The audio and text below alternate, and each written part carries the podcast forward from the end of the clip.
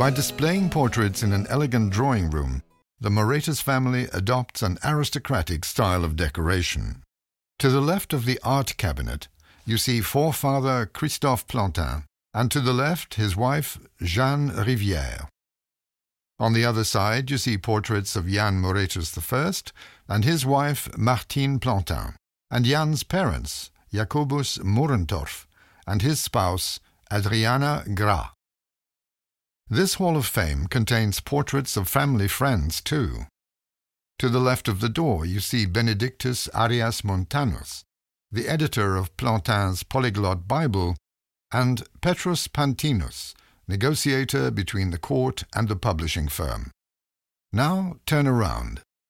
On the other side of the room, you can see portraits of humanist and linguist Justus Lipsius, the inventor of the Atlas, Abraham Ortelius, and Gaspar Gevartius, humanist and municipal secretary in Antwerp. And, last but not least, a portrait of Balthazar Moretus I.